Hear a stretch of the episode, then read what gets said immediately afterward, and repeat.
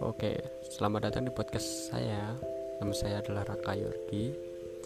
Kalian bisa lihat nickname saya hanya pendengar baik. Soalnya saya sering dicurhatin sama teman-teman mulai dari saudara, mulai dari adik kelas, mulai dari kakak kelas, kakak gue sendiri, sepupu dan saudara-saudara saya yang lain dan teman-teman gue. Yang paling banyak adalah teman gue. Jadi di podcast kali ini mungkin salah satu dari curhatan mereka mungkin adalah satu, salah satu pengalaman kalian dan